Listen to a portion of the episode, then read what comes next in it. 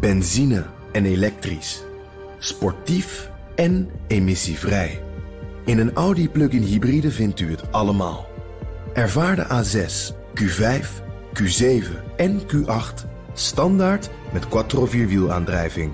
Wat u ook zoekt, u vindt het in een Audi. Audi. Voorsprong door techniek.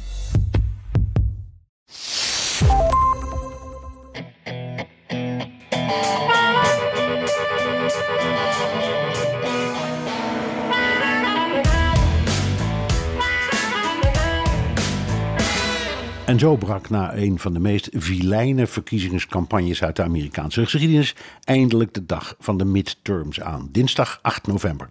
De kiezer heeft gesproken, de stemmen worden geteld, victorie voor de democratie. Helaas is dat een illusie, want meer dan 100 republikeinen hebben al van tevoren gezegd dat er zou worden gesjoemeld en dat ze hun verlies dus niet zouden erkennen. President Biden, op zijn laatste campagnespeech hier in New York, zei het zo. Voor de ontkenners geldt dat ze of hebben gewonnen of ze zijn belazerd. Maar je kunt niet alleen voor je land houden als je wint. With these election deniers, there are only two outcomes for any election. Either they win or they were cheated. No, I'm serious. Think about it. But let me tell you something. You can't only love the country when you win. Dit is een extra editie van de Amerika-podcast. Mijn naam is Bernard Hammelburg aan de eettafel in New York, waar Biden zogezegd net zijn hielen heeft gelicht. Ja, en toen ben ik eh, binnengekomen hier in New York. Jan Posma, gezellig aan diezelfde eettafel in New York. Tegenover jou, Bernard. Dat is uh, weer een goed gevoel. En uh, ik kom net uit Pennsylvania, waar alle ogen gericht waren op twee ex-presidenten en één huidige president. Oké, okay, even naar die huidige president van de eerste en de eerste ex-president. Die waren in Philadelphia en jij was erbij. Wat viel je op? Nou, uh, Bernard, um, nu zag ik eventjes wat er gebeurt als een zaal echt verliefd is op een kandidaat. En dat hebben we een hele tijd uh, in ieder geval aan de democratische kant niet meer gezien. Uh, want uh, Biden die staat niet zoveel voor zaaltjes en vaak is er een beetje berusting. maar nu zag je echt, nou goed, er was, mensen waren sowieso enthousiast. Er was applaus voor Josh Shapiro, gouverneurskandidaat. John Fetterman, hè, de man waar het eigenlijk om gaat, die senator, of, of ze willen hem een senator maken voor Pennsylvania. En die zou het verschil kunnen gaan maken in de Senaat. daarom zijn ze er allemaal. Er was ook applaus voor Biden, daar waren ze ook enthousiast over. Maar echt toen Obama zijn naam ook maar werd genoemd, toen ontplofte de zaal echt. Dat was echt het moment waarop je merkte van wacht eventjes, dit is de man waarvoor iedereen uh, gekomen is. En, en, ik vroeg dat ook een beetje aan iedereen van waarvoor ben je hier nou eigenlijk echt? Wil je de president zien of de voormalig president? En de meeste mensen zeiden dat ook gewoon, ja, ik ben hier voor Obama. Ik wil gewoon Obama horen. En wat ik ook wel typerend vond, Bernard, want meestal is dan de president is het belangrijkste. Hè? Dus je zou verwachten dat Biden zou eindigen. Uh, maar Biden was nu het voorprogramma, was de allereerste spreker van de grote sprekers. Daarna kwamen de kandidaten en toen was Obama de hoofdact. Ja. Dus dat, dat zijn de verhoudingen binnen de Democratische ja, maar Partij. Dat, is dat nog een recept voor verliezen als je dat zo opzet? Dat meen ik echt. Ja. Als je, wat jij zegt, als je, de, als je de, de president van de Verenigde Staten in het voorprogramma zet. Jongen, jongen. Ja, ik, ik, was het ook een beetje voorzichtig aan het vragen aan, die, aan, de kiezers daar, aan de democraten. En die waren natuurlijk allemaal heel enthousiast, hè, want daarvoor zijn ze daar ook. Uh, dus wat ik eigenlijk vooral terugkreeg was van ja, als het ons stemmen oplevert, dan maakt het ons helemaal niet uit. Uh, het gaat erom dat we straks winnen. En of dat nou via Obama of via Biden gaat. En wat ik ook wel, dat vond ik op zich wel goed om even te horen, wat mensen ook wel zeiden van we weten ook wel dat Biden geen Obama is. Uh, Obama, dat was nou, een soort buitencategorie als het om uh, spreken gaat. Maar het, het was ook wel nostalgie hoor. Het was echt een beetje ja. terug naar 2008. Ja. Dat gevoel. Ja. Dus, uh, Oké, okay, en, ja. en, en, en, en beschrijf de zaal. Want je zei, je zag voor het eerst, nou, je hebt heel wat campagne dingen gedaan de afgelopen maanden. en je zegt voor het eerst zag ik een democra democratisch enthousiasme, zal ik ja, maar zeggen. Ja. Ja, wie zaten er? Ja, dat vond ik ook wel goed om te zien. Het was in een, um, op, op, een campus, op een universiteitscampus. Dus er waren veel jongeren sowieso. En dat was ook wel het doelwit. Ze wilden veel jongeren binnenhalen. Het is daar een van die suburbs van uh, Philadelphia. Daar moesten, nou, dat is heel belangrijk. Dus daar wilden ze veel kiezers uh, mee trekken. dus jongeren waren er veel, maar het was echt ook wel een heel divers publiek. qua leeftijd, ook veel toch meer de gepensioneerde leeftijd. Maar, maar ook alles daartussenin. Ook verschillende kleurtjes, zul je maar zeggen. Dat viel ook wel op, omdat op het podium natuurlijk alleen maar uh, blanke mannen stonden. Ja. Dus uh, met Obama natuurlijk. Maar het was verder allemaal eh, eh, vrij eh, standaard. eh, nou ja, wat je eh, een beetje ouderwets eigenlijk op dat punt. Maar in de zaal was het echt van alles wat. Je zag alles door elkaar staan. Dat vond ik wel, wel goed om te Ja, zien. en dat is ook eerlijk gezegd traditioneel democratische partij. Hè? Ja, Want ik heb precies. vroeger wel eens Ja. gezegd...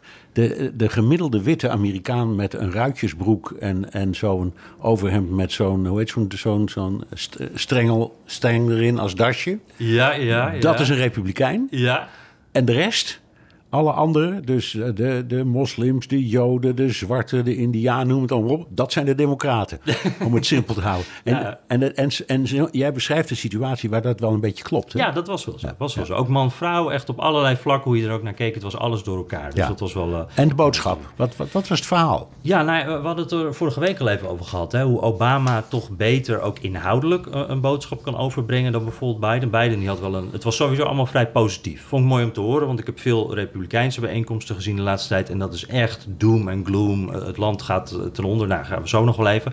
Ehm, en hier zat wel wat positievers in. Eh, Biden die, die ook probeert uit te leggen de dingen die hij wel goed heeft gedaan. Wat mij heel erg opviel was, hij noemde ook die, die, die laatste wapenwet van hem. Wat natuurlijk, nou ja, wel hi- historisch dat die kwam, maar het is niet een enorme wapenwet. Maar dat werd echt met groot gejuich ontvangen van hij probeert dat in ieder geval, hij doet in ieder geval iets. Eh, dus Biden vooral op wat hij bereikt had. En Obama had als hele duidelijke boodschap, was ook de eerste zin die hij zei: Ik kom hier om jullie over te halen om te stemmen. En uiteindelijk kwam het daar steeds weer op terug. Eh, en, en eigenlijk zijn samenvatting in, in één zinnetje was: Don't boo, vote. Ja. Elke keer als er eh, iets negatiefs, als er een republikein als Dr. Oz werd genoemd en iedereen boe roepen, zei hij van don't boo, vote. Tot, Ja. tot het punt dat het publiek dat zelf ook al zei. Ja, Ja, ja, als een soort refrein. precies. Ja, pracht- zoals hij dat kan. Ja, prachtig, ja, ja, ja, ja. prachtig. En ik bedoel het op de meest denkbaar positieve manier. Maar dat is de traditie van de zwarte dominee in, in, in Amerika. Zo'n thema pakken en daar een refrein van maken. En dan daar steeds mee terugkomen. Ja, Zoals hij in zijn eerste campagne dat Yes We Can gebruikte. Ja. Als een, een meester is die daarin. ja, ook subtiel. Hè? Want mensen, eerdere sprekers die dan ook Ja. heel vroeg al staan, dat, die doen dat heel opzichtig. En dan merk je dat echt, oh, dit is een trucje. Maar bij Obama gaat het een beetje vanzelf. Dan, dan weten mensen volgens mij het zelf niet eens dat ze het doen. Het gebeurt gewoon. Goed hè? Ja, mooi Oké, nou even naar die andere voormalige president. Ja. Tr- Trump noemt Amerika een land in verval en in de klauwen van extreem linkse activisten. Ehm, en oh ja, Jan, ik pikte een nieuwtje op. Trump heeft in 2020 de presidentsverkiezingen gewonnen. Oh. La- laat ik dat nou helemaal hebben gemist. Ja, precies. ja, nee, het is goed om dat nog eventjes zo te horen voor deze verkiezingen. Ehm, ja, dit was, eh, het was ook wel apart, hè, want ze, ze waren om de aandacht aan het vechten natuurlijk. Want terwijl ik bij die, eh, eh, dat gebeuren in Philadelphia was, was Trump dus in de buurt van Pittsburgh, in de Rust Belt, was hij een, een speech aan het houden. En ehm, En redelijk magistraal weer, hè? laten we eerlijk Ja, wezen. ja, jongen, jongen, jongen. Ja. Ja. Ja, en, en ik, ik, ja, ik kreeg ook via Twitter wat mensen die zeiden van... ja, maar eh, bij, Biden en Obama zat de zaal niet eens helemaal vol. Obama, of eh, Trump, die haalt veel meer enthousiasme. Maar ik denk dat het echt een beetje vergelijkbaar is. Dat hoe enthousiast democraten worden van Obama... dat hebben republikeinen met Trump. Dat Ja. is, eh, hij wond zonder vinger. En dat was natuurlijk voor die eh Mehmet Oz, die ik net al noemde. Doug Mastriano ook. Dat is de gouverneurskandidaat. Die staat flink achter op die Shapiro, op die democraat... die dus in Philadelphia rondliep. Ehm, en dat zijn twee echte Trump-kandidaten. Die, die die is eh, handpicked door Trump. En die Mastriano, dat is echt een, een vrij eh, heftige man. eh, die ook betrokken was bij 6 januari. die ook nog steeds de uitslag ontkent. Dus die zal het er helemaal mee eens zijn geweest dat Trump inderdaad gewonnen heeft. Ja. ja. Dus dat, eh, en, ja, wat mij echt opviel was dus dat, dat gitzwarte beeld. eh, dat, dat, dat, dat, dat Trump ook zegt van als je niet voor ons stemt, dan, dan gaat het land gewoon ten onder. Dan is het voorbij. En eh, eh, wat me ook opviel was, eh, die heb jij ook vast gezien, die tease naar 2024. Ja, tuurlijk. Dat ja. kwam een paar keer terug. We hebben natuurlijk vrijdag dat bericht gehad dat nou, misschien 14 november wel de datum zou kunnen zijn. Hij zijn kandidatuur voor- Precies, aankomt. en dat wordt dan gelekt door de partij zelf. Dus we zullen zien of het gaat gebeuren. Maar hij teasde daar dus een paar keer naar. En hij viel toen ook Ron DeSantis aan. Wat natuurlijk zijn belangrijkste... Zijn enige concurrent, kun je zeggen. Precies, Ja. precies. Dus hij noemde even hoe, hoe laag die in de peilingen staat ten opzichte van hemzelf. eh. en die had een bijnaam, Ron de Sanctimonious. Dat vond ik wel een hele mooie. In plaats van Ron DeSantis. Ja, precies. Ro- Ron de Schijnheilige maak ik er maar even van. Ja, ja. Want uh, in die laatste spotjes werd, hij, werd de Santos echt neergezet als een soort ja, Jezusfiguur bijna. Als een heilige die, ja. die van de hemel naar beneden was gekomen om ons allemaal te redden. En uh, Trump die, die was het daar duidelijk niet mee eens. En, uh, Wat kan hij dat toch goed, hè? Zo. Van die bijnamen maken. Ja. Ik zit nog steeds, echt waar hoor, als ik, als ik Biden zie spreken, dan zit in mijn hoofd nog steeds dat woord Sleepy Joe. Ik krijg het er niet uit. Nee, klopt. Nee. Ja, dat is de marketer uh, chief. Ja, ja precies. Ja. en, en dat is hierbij dus ook. En ik, maar ik moet ook wel zeggen, om toch even een kritiekpuntje hierbij. Het ging dus op een bepaald moment ook weer echt om Trump zelf. Hè? En die twee kandidaten, die zaten toch echt een beetje tweede rang. Uh, en, en dat deden Obama en Biden toch beter. Die stelden alles in dienst van die twee kandidaten. En bij Trump gaat het toch uiteindelijk om Trump zelf. Hè? Ja, zeker. Ja. Ik, uh, ja, en, en weet je, ik, nog één dingetje wat, me, uh, wat ik nog wel graag wil delen. Want ik was bij die, uh, bij die Democraten en toen was daar een, een democratische mevrouw. En die was echt emotioneel. Die had echt de tranen in haar ogen toen ze vertelde van... nou, op het moment dat bij die democratische bijeenkomst... toen kwamen alle vier kandidaten, of tenminste Biden, Obama en de twee kandidaten... kwamen alle vier in één keer zo het podium op... Het was echt zo'n opzwepende moment. De lichten gingen aan, de muziek stond hard. Mensen waren heel hard aan het klappen. En ze zei van, nou, ik had echt tranen in mijn ogen. Dus ik heb echt weer eventjes zo'n sp spinkeling van hoop dan. Want ik ben zo bang voor wat er gaat gebeuren op verkiezingsdag. En toen moest ik meteen denken aan een republikein die ik vorig weekend sprak in Arizona. En die, kreeg, die, die, begon ook te snikken. Dat was een oud politieagent en die, die was ook heel emotioneel. En die zei van, ik ben zo bang wat er gaat gebeuren... want uh, die democraten proberen de verkiezingen weer te stelen. En nou ja, toen ik die twee zeg maar even in mijn hoofd zo naast elkaar had, dacht ik ook van het. het uh, ja, wij weten ook niet wat er gaat gebeuren. Nee. Maar uh, de emotie uh, loopt hoog op. Ja, over Arizona gesproken. Jan, jij was na de presidentsverkiezingen in de provincie Maricopa in ja. Arizona. Uh, daar waren toen uh, allemaal verhalen over dat er gesjoemeld was met de stembiljetten. En dat kon je dan misschien zien omdat er. Wat zat erin? Bamboe. Bamboe. Ja, en en er was China. met machines. Ja.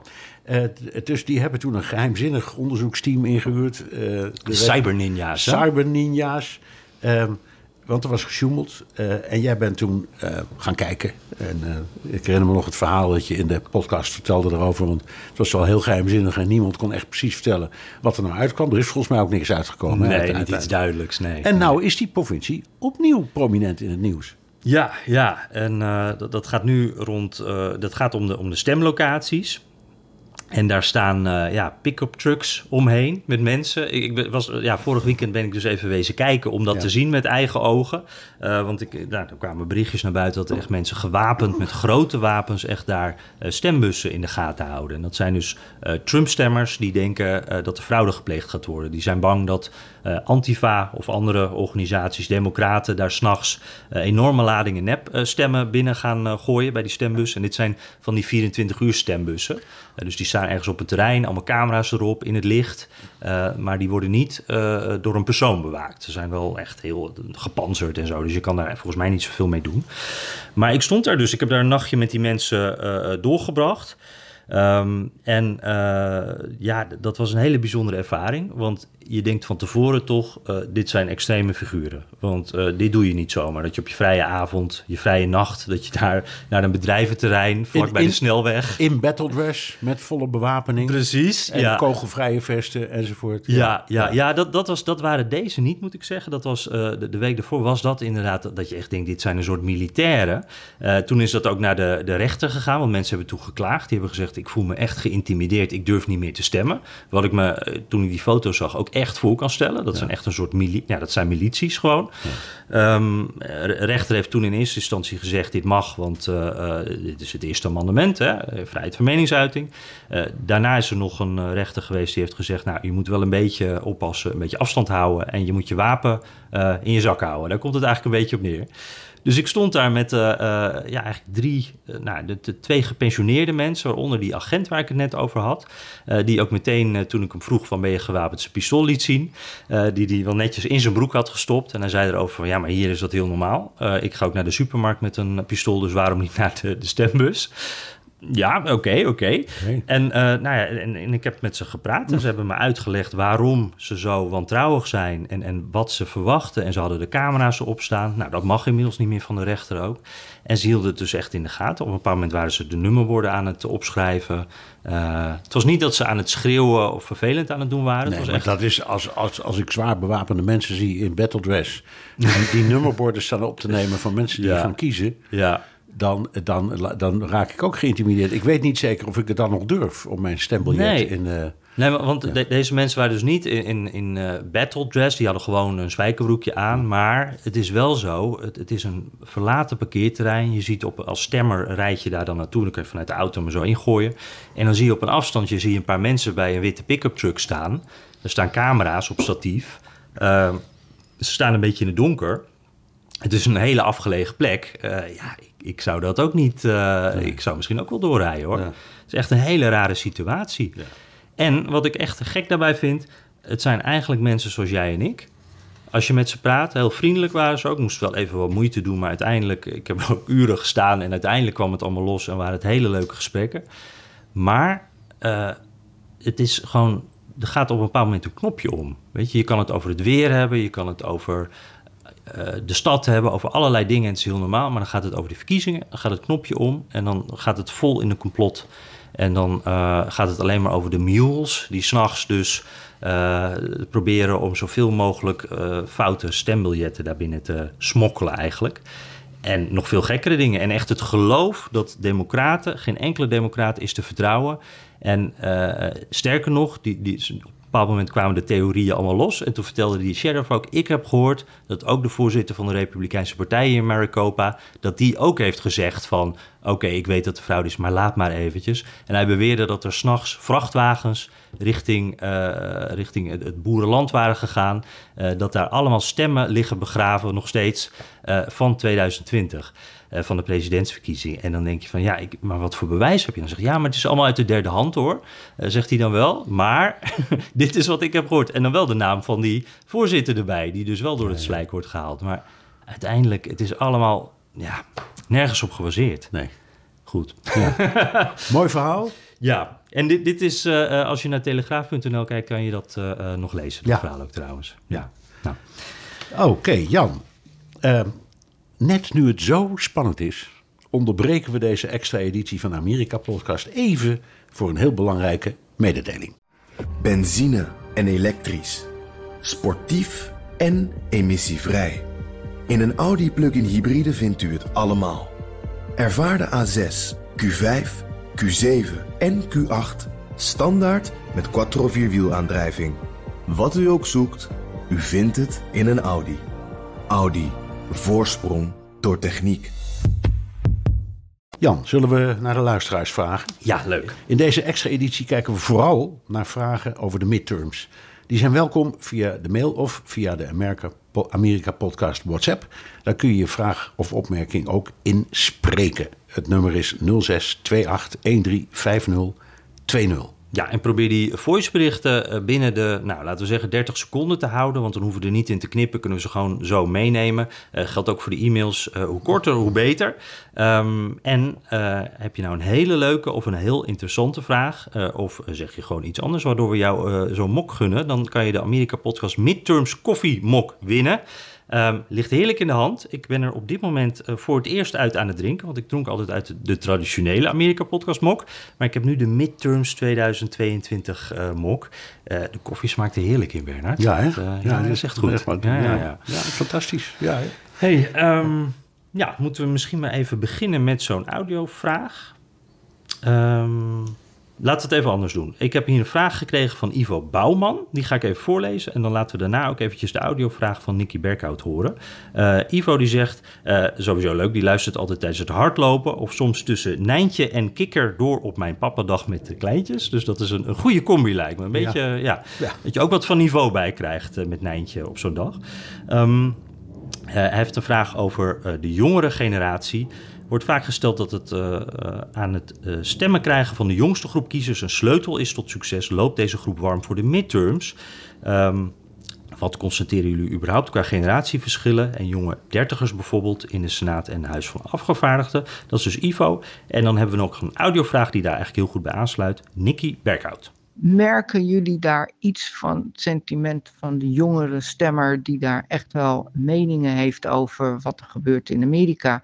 Denken jullie dat zij niet poolbaar zijn en straks voor een blauwe golf gaan zorgen in de midterms? Ja, uh, de jongeren, Bernard. Uh, ik zei net al bij die democratische bijeenkomst, daar zag ik veel jongeren. Bij de Republikeinen, waar ik geweest ben, ook al wat jongeren. Maar het blijft altijd een moeilijke groep om te bereiken. Ja, en, en nu moeten we niet net doen alsof dat een Amerikaanse kwestie is. Dat is volgens mij in de hele wereld zo. Ja, en ja. of je nu in de democratische wereld kijkt of in de dictatoriale of autocratische wereld op de een of andere manier, zijn jongeren in het algemeen wat minder geïnteresseerd. Al zijn het ook wel de studenten die ja, de straat op gaan. Nee, nee, en, uh, het zegt ook niks over, hun, uh, over wat ze weten of hun kennis. Maar ze lopen niet zo verschrikkelijk warm. Uh, dat is zo. Um, en dat geldt ook voor het lezen van kranten. het kijken naar informatieve televisie of luisteren naar informatieve radio, van welke aard dan ook. Het is niet echt een ding voor jongeren. maar ik herinner me ooit een keer, ooit een keer een discussie met een heel stel mensen, waaronder Leon de Winter. En die had een fantastisch, die zei: Jongens, waar maak je zo druk over? Al die jongeren worden vanzelf ook ouder. en dan gaan ze jouw krant of jouw programma of zo, of, of, of, jouw uitzending best waarderen. Dus gewoon een beetje geduld. Dat is ook wel een goede. ja, is ook wel. Maar waar. het is niet zo. Amerika, iedereen denkt altijd: die, die jongeren gaan de doorslag geven. Of de minderheden gaan de doorslag geven. En meestal is dat niet het geval. Hm. Laat ik het zo zeggen. Ja. Nou, het is wel, je ziet wel dat beide kanten heel erg proberen die groep te, te bereiken, inderdaad. En dat is ook wel logisch natuurlijk. Er komt elke, elke twee jaar komt er een nieuwe groep bij natuurlijk die mag stemmen. Dus dat is een nieuwe groep mensen die je kan bereiken. Um, en, uh, uh, maar tegelijkertijd is dit ook de groep, ze zeggen altijd als het regent, dan is het slecht nieuws voor de democraten. Ik heb het gevoel dat dat bij jongeren, dat dat ook zo'n groep is die, die dan toch net ietsje sneller iets anders gaat ja, doen. Even belangrijk intermezzo. Het is ja. volgens mij nog in deze periode nog nooit zo warm geweest. Hier in, in, in New York in elk geval niet. Nee, het is hier zomer eigenlijk gewoon. Hè? Zo echt, voelt het. Ja, want Jij, jij kwam straks helemaal bezweet binnen. ja, precies. In Studio Hammelburg. Nou, je, je, de, de metro in New York, voor de luisteraars die weten dat ook wel, die, die is altijd warm hè. De stations. Het, ja, precies. De, de, de, de, de, de rijtuigen die staan in het, op het vriespunt. Ja, precies. En, ja. de, en de stations die staan op 322 graden of zoiets. Nou, ik kwam uit de metro inderdaad in het station en ik dacht, oh, het lijkt wel zomer. Het was ja. echt zo heet, dus uh, dat inderdaad. Nou ja, we zullen zien wat dat uh, uh, voor de stemmers teweeg gaat brengen. Dank in ieder geval voor de vraag. Wouter Gerards. Um, ja, die heeft een vraag uh, specifiek. Uh, ja, die, wij hadden het er eerder over, hè, van, uh, dat, dat je voor heel veel posities kan kiezen tijdens de midterms. Hij zegt van president tot de lokale puppytrainer. Dat, Ja. dat vind ik een mooie. Heel mooi. Ja, um, maar werkt dit systeem ook? Voelt de gemiddelde bewoner van een dorpje in Wyoming zich meer dan in Nederland ook verbonden met bijvoorbeeld de lokale sheriff of met de openbare aanklager? Hoe kijken jullie daarnaar? Nou, voor mij is het antwoord heel duidelijk ja. Hmm. Amerikanen hebben een stelling: all politics is local.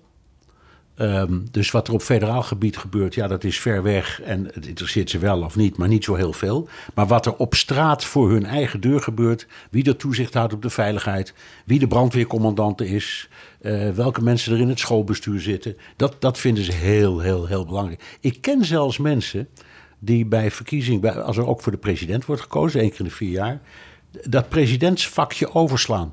Alleen ah. de rest invullen. Ja? Ja, omdat ah. ze zeggen, ja, die dat hoor ik wel. Dat kan me niet zoveel schelen wie de president. Maar wel wie hier de gouverneur wordt of de Ja. sheriff in het lokaal. Dus ja, het antwoord is voor mij heel duidelijk ja. Wel bijzonder. Dan sta je daar en denk je, oh, dan kan je dat ene vakje ook nog wel ja, even meepakken. een soort toch? Eh, statement is dat. Ja, precies. Een beetje een Ja. protest. eh. Nou, wat mij ook wel altijd opvalt, want je ziet altijd die, die borden dan langs de weg. Ook in al die dorpjes voor de sheriff. En nou, nou, voor al die plekken, al die posities. Ik denk dat dat ook wel helpt. Dat je, je weet ineens van, oh, zo ziet die man eruit. Ja, of zo en- vrouw eruit. En, en ik kies zelf mijn rechter en mijn Ja. openbare aanklager. En dan, eh, ja, Ja. Het, het, is, het, is, ja het, is- zo gezegd een keuze. Ja, zeker. Ja. Wat ook betekent dat ze heel veel bezig zijn met verkiezingen altijd. Maar dat levert ook wat op. Ehm, laten we naar een audiovraag gaan van Tjeerd den Boer. Ik heb een vraag over de United States of America. Of misschien wel de Divided States of America. Stel je voor dat de Republikeinen in een winning streak komen. En zowel in de midterms als ook op de lange termijn de presidentsverkiezingen winnen. Is er dan binnen de Republikeinse partij iemand die dat United States of America idee al heeft uitgewerkt? Zijn er scenario's vanuit de republikeinse kant hoe je dan bestuurlijk omgaat met een gewonnen verkiezing en wat er dan met de United States zou moeten gaan gebeuren. Daar ben ik nieuwsgierig naar. De groeten van Tjeerd en Boer uit Zwolle. Ik, ik vond het een mooie vraag. Um, zit er ook een beetje een soort van sarcasme in, denk je, Bernard? Die zegt van, uh, ja, hoe kunnen ze eigenlijk wel omgaan met een overwinning straks? Wordt daarover nagedacht of kijken ze alleen nog maar naar de strijd zelf? Ik denk dat laatste. Ja? Ja, ik denk dat laatste. Um, omdat, kijk, de, de, beide partijen hebben een ideologie. Op zichzelf is dat best goed. Hmm. Want dat is voor de kiezer geeft dat een keuze. Hmm. He, die maakt een aantal dingen waarvan je zegt, dit zijn prioriteiten. In deze strijd is dat duidelijker dan misschien ooit tevoren. Um, Alleen is het nou zo dat ze daar een strategie uit ontwikkelen voor. Uh, dat betwijfel ik zeer. Maar de vraag is denk ik ook een beetje van: denken ze eigenlijk wel al die stap verder? Het lijkt wel alsof uh, in ieder geval. Nou, nu wel. Het gaat natuurlijk nu ook om de presidentsverkiezingen. Mm -hmm. Maar omdat de focus ook zo, nee, zo ligt op um, de campagne zelf en de andere partij zwart maken zijn ze dan ook al aan het kijken hoe ze kunnen besturen? Kijken ze al zover aan de Republiek? We horen natuurlijk de hele tijd van, nou, dit gaan we doen als we, uh, er is fraude gepleegd, uh, we gaan misschien wel niet die uitslag erkennen. Dan komt er straks een punt dat ze misschien wel gewoon winnen. Ja. Kijken ze dan ook al een stapje verder? Of, ik heb namelijk het gevoel dat de kandidaten die nu zeggen, um, ik herken misschien die verkiezingen wel niet, die uitslag niet, uh, dat dat ook vaak de kandidaten zijn die juist een beetje uh, obstinaat zijn, die een beetje aan het rellen zijn. Dat dat ook de, een beetje de Marjorie Taylor Greene-achtige kandidaten, die ook vooral willen schoppen. En die, die, denken, in ieder geval Marjorie Taylor Greene, die denken ook niet echt aan beleid. Die zijn nee, vooral bezig nee, met stennis schoppen. Daar heb je gelijk in. En bovendien, er zijn nu uh, 100 mensen die uh, sowieso die. Ja, of nog wel meer zelfs. Nog wel ja. meer, die, die de uitslag al zeggen niet te gaan uh, erkennen. Dat zijn de mensen die dus in het congres komen, met, mm. hè, als het mee zit. Ja, en dan de, als je alleen maar vanuit een negatieve overtuiging in dat congres komt, dan vraag ik me af of je ook kunt nadenken over een fatsoenlijk natuurbeleid en een, en een, uh, en een verantwoorde uh, uh, dat begrotingspolitiek. Ja. Ja, dat, dat, daar ben ik ook twijfels over. Ja, het is een beetje als een anti-Europa-partij die in Brussel gaat zitten in ja. het Europarlement. Ja. Dat, ja. Nou, ik, Tjeerd, ik hoop dat ik zo die vraag goed geïnterpreteerd heb. En als het niet zo is, stuur dan alsjeblieft nog een berichtje. Wim Zomer. Um, ja, um, voor de Senaat wordt er voor, hij zegt voor 34 zetels gestemd. hoeveel van die 34 zetels zijn nu van de Republikeinen en hoeveel van de Democraten? Ja, we hebben net al even, even daarover gehad. Ja, voor, nou, uh... voordat we opnamen, want er is een beetje ja. misverstand over. Uh, het zouden er normaal volgens ons 33 moeten zijn. Maar er komt er eentje bij, omdat dat een vervanger is. Dus iemand die vervroegd aftreedt of weggaat in de Senaat. Alleen de media, sommige media hebben het over 35 en andere over 34. En eerlijk gezegd, wij zijn allebei niet goed genoeg om precies ja. te kunnen uit. Klaarblijkelijk, we komen er maar niet uit. We hebben nu net voor de opname nog even gekeken op de op de site van de BBC. Die zijn altijd heel goed. Die hebben het over 35. Ja. ja. Ja, het is nou net even hoe je het dan rekent. En, en wat ik dan zie is dat er dan 14 democratische uh, plekken zijn en 21 republikeinse. Uh, maar uh, het probleem met er zo naar kijken is ook weer zo dat sommige van die plekken die kunnen best in een staat liggen nu waar bijvoorbeeld Biden de vorige keer heeft gewonnen. Waar, ja, dus dan kan je wel zeggen van goh, zit er nu een democraat of een republikein. Maar dat is misschien toch niet helemaal de juiste, uh, het juiste uitgangspunt dan. Hè? Nee. Dus het is maar, nog best een ingewikkelde. Dat is een hele ingewikkelde, ja. En, en nou, fijn. Dus ik denk niet dat je zo duidelijk daaruit meteen de conclusie kan trekken van... oh, dan is de, die partij aan het verdedigen of die aan het aanvallen, zeg maar. Dat, uh, dat ligt nog net even wat nee, gecompliceerd. Precies. Jan Wolf, uh, met een dikke knip, knipoog stel ik de volgende vraag. Als we een parallel trekken tussen de aankomende midterms en de Podcast Award verkiezingen, welke van de twee is dan volgens jullie het meest fraudegevoelig? Accepteren jullie een eventuele, maar onwaarschijnlijke nederlaag bij de Podcast Awards en zijn jullie op voorhand bereid om de rellen die als gevolg van de nederlaag ontstaan te veroordelen? Bernard? Uh, ja, Jan.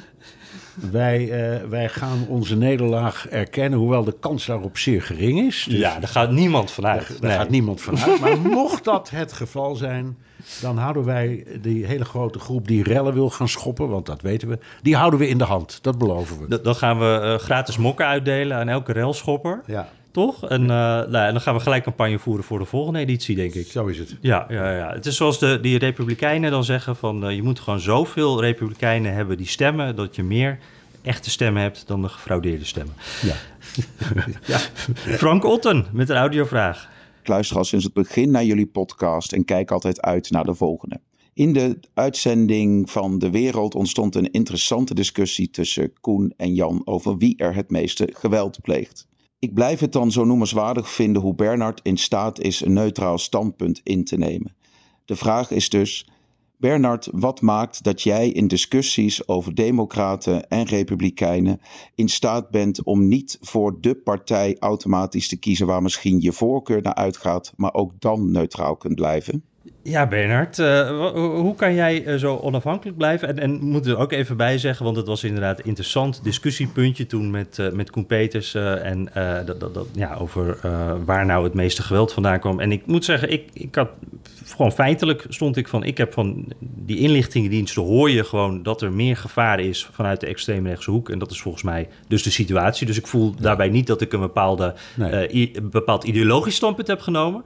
Maar de vraag is dus specifiek aan jou. Hoe blijf jij onafhankelijk? Nou, in de eerste plaats even de paraplu wat breder.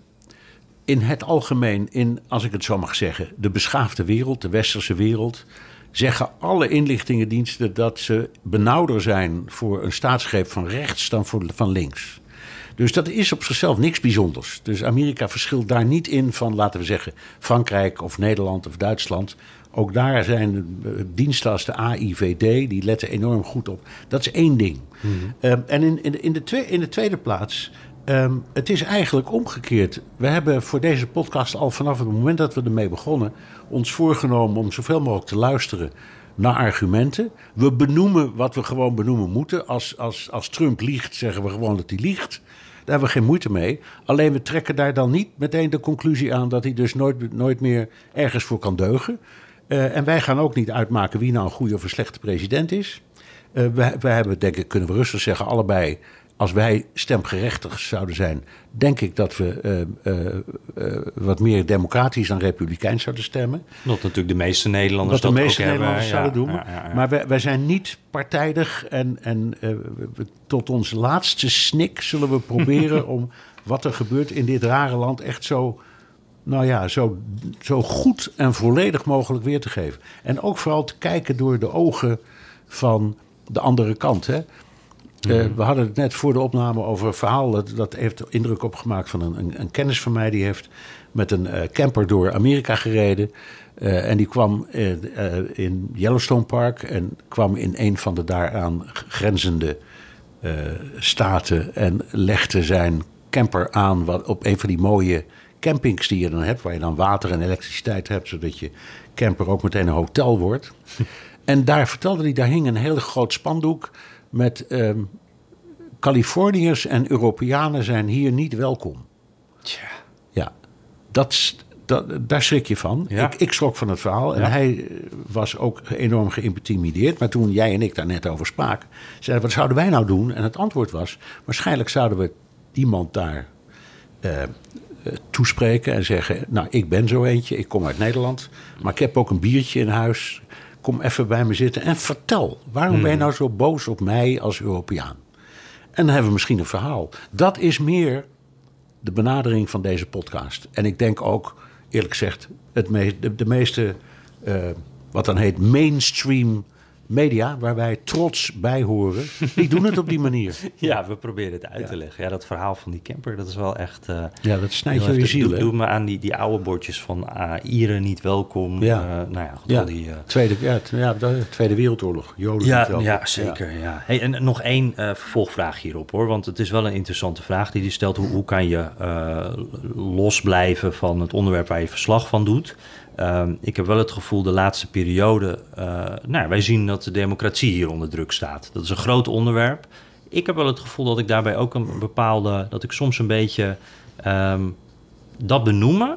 Ja. Dat is best moeilijk soms. Omdat je ook je wil niet die onafhankelijkheid verliezen, maar er is, eh, mijn woorden, één kant op dit moment die de democratie echt onder druk zet. Ja, maar dat zeggen we ook rustig. Precies. Maar, dan, maar we gaan het- nog steeds niet uitmaken wie van de partijen wint. Dat Mhm. maakt de kiezer uit. Maar is dat, eh, is dat een moeilijk moment voor jou geweest om, dat te- om zeg maar die stap te... Ik voelde zelf namelijk dat dat wel een stap nee, is. Nee, nee, is voor mij geen moeilijk moment Hm. geweest. Nee hoor. Eh, Want eh, de- ja, eh, wij, wij zijn in, in ons vak... ehm, doen wij aan, aan waarheidszoeken. En dat is een van de taken van de journalistiek. Dat doen we naar eer en geweten. En als wij zeggen, ja, er is... er is een enorme groep die de democratie onderuit wil halen. Waarom zouden we dat niet mogen zeggen? Mhm. Natuurlijk. Ja. Oké, duidelijk. Ehm, dank voor die vraag in ieder geval. Quint van den Heuvel. Eh, die zegt, eh, ik lees net dat Liz Cheney campagne aan het voeren is voor de democratische Eliza Slotkin. Eh, is het al eens eerder voorgekomen dat de Republikein campagne voerde voor de tegenstander tussen aanhalingstekens of misschien andersom? En wat voor impact kan dat hebben op het politieke landschap? Kan dat er bijvoorbeeld voor zorgen dat de aanhangers van Liz Cheney democratisch gaan stemmen? Of is dat eigenlijk ondenkbaar? Zijn volgens hele- mij, een hele goede vraag. Volgens mij is het inderdaad, of het uniek is, weet ik niet. Maar het zal niet vaak voorkomen dat iemand eh, campagne gaat voeren voor de andere partij. Het komt wel vaak voor dat iemand zegt, ik ben zo teleurgesteld of boos op een partijlid. Ik ga op de andere kant stemmen. Dat hoor je wel eens. Ja. Maar om campagne te gaan voeren, dat heb ik eerlijk gezegd nog niet zo eh, meegemaakt. Ehm, ik herinner me één geval, dat is me bijgebleven. Dat was Colin Powell, Oh ja. die, die minister en, en, en chef staf was geweest onder de regering Bush 1. Ja. En die op een bepaald moment verscheen op de Democratische Conventie. Ja.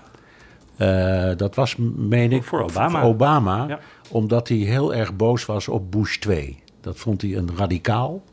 En eh, dat, was, dat leek er een beetje op. Dus helemaal, in die zin het komt wel voor, maar echt campagne voeren. Nee, dat hebben we nog niet eerder gezien. Zal die, maakt het iets uit? Neemt ze stemmen mee? Ik, ik, niet ik echt. geloof er niks van. Nee. Zeker niet in Wyoming, want daar moet je echt eh, daar moet je een democraat zoeken met een loep. Ja, precies. Ze zijn er, maar die verstoppen zich Ja. waarschijnlijk. Ja, en ik moet ook nog denken, ik ben zijn naam even vergeten. Er was iemand die volgens mij eh, ten tijde van Obama, of was het Hillary Clinton, een, een democraat die eh, voor de Republikeinen, op de Republikeinse conventie heeft gesproken. Ah, ik ben, nou, die, dit is de luisteraarsvraag. Ik ben zijn naam vergeten. Was volgens mij een oud senator of zo. Eh, Ik weet het niet meer, maar, Nee, het, maar het nou, kan. Het, is het niet- gebeurt dus wel, Ja, ja. Het, het- dat gebeurt wel. Maar campagnevoer is wat anders, hè? ja, Dat- precies. ja. Dat is waar. Ja, ja, ja. Eh, inderdaad. Ehm, nog een audiovraagje dan? Dag heren van de Amerika-podcast, Veronique hier. Mijn vraag is, eh 8 november zijn de midterms, waarin er eh, voor het congres en het gouverneurschap gestemd kan worden. En ik vroeg me eigenlijk af wie de grootste stempel kan drukken op de staat. Eh, is dat de gouverneur of de senator? Ik vind dit een hele mooie vraag. Wat is eigenlijk het belangrijkste dan? De, de gouverneur of de senator? Gouverneur. Gouverneur, ja. volgens mij de gouverneur. Dat is gewoon echt de bestuurder. Ja, en dan, kijk, wij zitten hier nu in, eh, langs de oostkust. En daar ligt het misschien allemaal ietsje anders. Maar in de gemiddelde Amerikaanse staat, vooral in het Middenwesten. ja, dat, zijn, dat zijn staten, eh, dat zijn ehm, staten die zo op zichzelf leven. En het leven. We, we hebben er al eerder vragen over gehad. Ik denk dat het echt gaat om de gouverneur. Want die senator, ja, die zit in, in Washington. Dat is toch een beetje ver weg is dan. ja, en een verkeerde ver weg is dan voor veel mensen. dat, ook dat. En, en ze zeggen ook vaak wel bij eh, presidentskandidaten... van als je dan gouverneurservaring hebt, dan heb je echt bestuurd. Terwijl een senator, ja, wat voor verantwoordelijkheid heeft hij nou? Wordt Nee, dat klopt. Dat, eh, Ja. ja. Ehm, even kijken, we, we zijn bijna een beetje in de afrondende fase, denk ik, Bernard. Ja, Hoeveel kunnen we er nog pakken, denk je? In ieder ik, geval... ik zou nou nemen afval nog één. Vind je Oké, ja, pakken we in ieder geval Niels nog even mee, Niels Vos. Ehm, in conservatieve kringen gaan vaak de geluiden dat Amerika wordt overgenomen door immigranten en woke. En dat de stem op hun het oude Amerika terug zal brengen. Eh, zijn dit onderbuikgevoelens waar de Republikeinen gretig gebruik van maken? Of merken jullie een werkelijk verschil met 10 tot 20 jaar geleden? geleden? Dus eigenlijk is de vraag dan: eh, is er inderdaad een woke-beweging die dingen verandert? En hebben immigranten inderdaad een invloed op de huidige samenleving? Verandert daar iets? Dat laatste zou ik zeggen ja. En ik beschouw dat als iets heel gunstigs. Want dit land is ge- gemaakt door immigranten. Dus er is altijd verandering. Ehm, en ehm, laten we zeggen, de Cubanen die voor een groot deel naar Amerika zijn gekomen eh, tijdens de revolutie van Castro. Die hebben zich ontwikkeld tot een hele, in het algemeen zeer goed functionerende groep.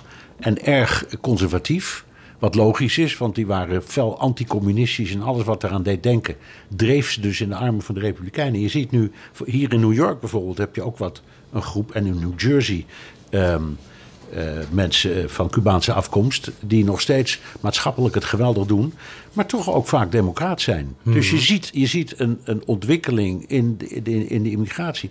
En, voor- en voor de rest zie je ook, ja, ga hier op straat lopen. en kijk eens hoeveel etnische restaurants. en weet ik wat allemaal zijn. Kijk eens in de kunst, kijk eens in de musea. Hoeveel, hoeveel eh, aandacht het Metropolitan Museum of Art besteedt aan eh, kunst, ook van immigranten. Dus ja, ik denk dat het een invloed heeft. En ik zie dat als iets positiefs. Ja, tegelijkertijd zie je wel dat inderdaad in eh, republikeinse campagnes met name... dat er af en toe wel wat hondenfluitjes, zeggen ze dan. Beetje van die hints naar eh, anti-migranten Oh, geluiden zijn. Oh, absoluut. Nee, keihard. Keihard, ja. Eh, ja, dat, dat, dat klopt. Het is heel raar dat een immigratieland een partij heeft die tegen immigratie is. Ja. Maar ja, dat zie je ook altijd in immigrantenlanden... dat de groep die er al is zich Ja. ook afzet tegen de groep die nog Dat klopt. komt of wil komen. Ja, allemaal waar. Ik heb bij woke... ehm, ik hou ook niet zo van die term. Ik ook niet. Nee, hè? Ik, ik heb ook wel het gevoel dat dat een beetje een modeterm is. En ik... ehm, Zullen we hem cancelen? Mooi. Ja. Daar kan ik niet meer overheen. Laten we dat gewoon doen. Ehm, zullen we dan daarmee ook eh, maar afronden, Bernard? Ja. Eh, ja, oh, eh, ja we, we moeten er nog even over. Want ik, heb, ik nam net een slokje van eh, die heerlijke mok. ja, maar die is eigenlijk van iemand anders. nee hoor. Nee? De- degene die wint, die krijgt echt wie een nieuwe mok. Wie zijn de winnaars, Jan? Nou, ik vond het wel heel mooi. Ivo Bouwman en Nicky Berghouts die hadden hele mooie vragen over die jongeren. En dat was wel even een goed punt dat we dat even besproken hebben. Want dat hadden we eigenlijk nog helemaal niet zo meegenomen. Nee, Dus nog nooit. Allebei maar een mooie mok krijgen. Oké, nou gefeliciteerd Ivo, Nicky. Je zult zien, het is een prachtige beker. Terugluisteren kan via de BNR-site, Apple Podcast of Spotify. Heb je vragen, opmerkingen, kritiek of complimenten... dan kan dat ook met een tweet naar Jan Postma USA of BNR De Wereld... of heel ouderwets met een mailtje naar dewereld.bnr.nl. En je kunt je vraag ook inspreken of intikken op de Amerika-podcast WhatsApp 06 28 13 5020. En welk platform je ook kiest, zet behalve je naam ook je adres in de tekst. Ja, eh, dan sluit ik nog even af met dat ik iedereen wil bedanken die op ons gestemd heeft voor de Podcast Awards. Volgens mij is die stemming inmiddels eh, eh, gesloten. Dus heb je een stem uitgebracht, dank je wel. Heb je nog niet gedaan, zet hem alvast in je agenda voor volgend jaar. Ehm, en ja, donderdag komen we met een nieuwe editie van de gewone Amerika Podcast. Eh, en tussendoor zijn we ook nog op allerlei plekken te horen op de radio, hè? Tuurlijk, gewoon op BNR Nieuwsradio. Want ik geloof dat ik eh, de komende, eh, nou in ieder geval dag, maar misschien wel dagen hier een beetje bij jou in de woonkamer ga bivakeren. Gaan tot in de late uurtjes alles volgen. En ehm, ja, we gaan het over die verkiezingen hebben. Hè? En het zou nog wel eens even kunnen duren voordat we echt de uitslag hebben. Ja. Nou ja, we hebben allebei gekeken naar het verhaal van Associated Press, het persbureau. En dat is beroemd omdat het altijd eh, van alle organisaties die uitslagen bekijken, voor de media de meest betrouwbare bron is. Waanzinnig netwerk hebben die, hè? die zitten overal. Echt, die hebben er Ja. ook echt, die hebben er enorm in geïnvesteerd, decennia lang. En die zeggen, jongens, zet je schrap. Het gaat een tijdje duren voordat we een uitslag hebben. Nou, dan gaan we dat doen. We zetten ons schrap. Ik ga me alvast eh, installeren hier aan de eettafel. En dan eh, zou ik zeggen, stay tuned. Ja, Jan en ik zitten dan weer aan dezezelfde eettafel in New York.